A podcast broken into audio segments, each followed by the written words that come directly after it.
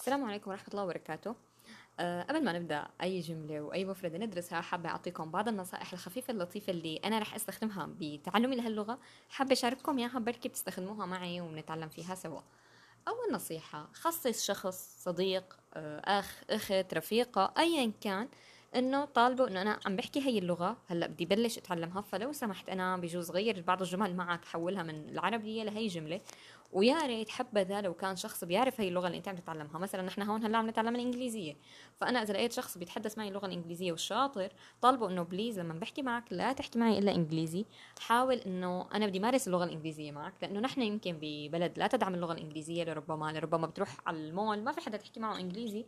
أغلب حياتنا ما في أي حدا نحكي معه بهي اللغة. لهيك خلي إلك صديق يومي لو نص ساعة لو ساعة إنه تحكي معه بهي اللغة. هاي أول نصيحة. ثاني نصيحة لا تحكي هي اللغة مع أي حدا. يعني تكون بعزيمة مع أصدقائك رفقاتك آه، مع أهلك مع أخواتك مع أي حدا. تجي والله تحكي معهم بهي اللغة. ترى ما حتطلع شخص واو ولا شخص ياي كتير لطيف أنت لأنك تحكي كذا لغة. لا أنا بنظري أنا رح أنظر للشخص هذا اللي بيحكي لي بكذا لغة. يعني عم تستهبل علي ولا عم تظهر إنه واو شوفوني أنا بعرف هاي اللغات. لا أحكي هي اللغة فقط مع أصحابها مع أهلها. أما تقعد لي مع أهلك ورفقاتك وأخواتك وتقعد تحكي لي قدامهم إنجليزي وفرنسي وإيطالي وما إلى ذلك أنت هون ترى ما عم يفهموا عليك وعم ينظروا لك نظرة أبدا مو حلوة. لا تحكيها بأي مكان احكيها بالمواقف الصحيحة والأماكن الصحيحة. كنت الله لا يقدر بمستشفى بمكان عمل بأي مكان فيه هي اللغة احكيها. أنت هون أوكي مضطر. ولكن لا تستخدمها لغة عامة إنك والله بين كلمة وكلمة تحكيها.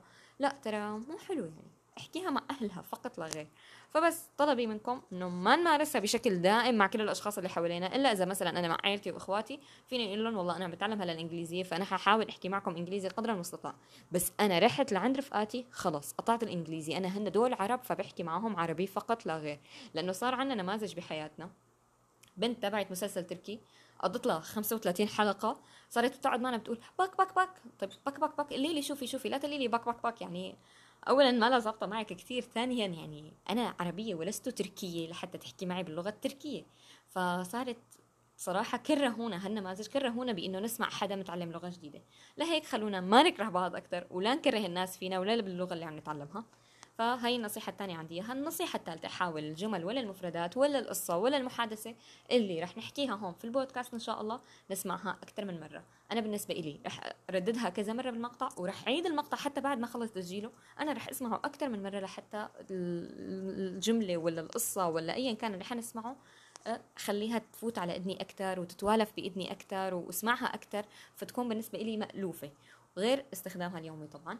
فبس نسمع أكثر من مرة نحاول نحطها بأماكن معينة بجمل معينة. كنت بموقف رحت مستشفى رحت مكان فيه هي اللغة حاول مارسها لهالجمل اللي أنا تعلمتها. ما أحبسها ولا نستحي. يعني أنا مثلا هلأ هون عندي مثلا أصدقائي عم يتعلموا معي عن طريق هذا البودكاست. بعد البودكاست إذا تراسلنا بنفس هي الجمل ورددناها لبعضنا سمعنا الكلام من شخص ثاني كمان مبتدئ زيي زيه. أنا هون حكون كتير مبسوطة لما بسمع غيري مبتدئ مثلي مثله. وعم نحكي شوي شوي بنصحح لبعضنا بنعلم بعضنا. هو هذا هدفنا أصلا هون بالبودكاست من تعلم اللغة. لهيك هي أهم ثلاث نصائح أنا حابه أحكي لكم إياها. إن شاء الله تكون أفدتكم. أنا هي النصائح اللي بستخدمها يعني حاول مارسها يوميا حاول أخصص شخص لهي اللغة إني أحكي معه فيها. لو ساعة باليوم لو نص ساعة لو خمس دقائق حتى بس أنا حكيت يا حسيت بالإنجاز إني أنا حكيت فيها بالفعل في حدا رد علي بعد ما قلت له هيك. مثلا قول good morning good morning hi hi wow yay.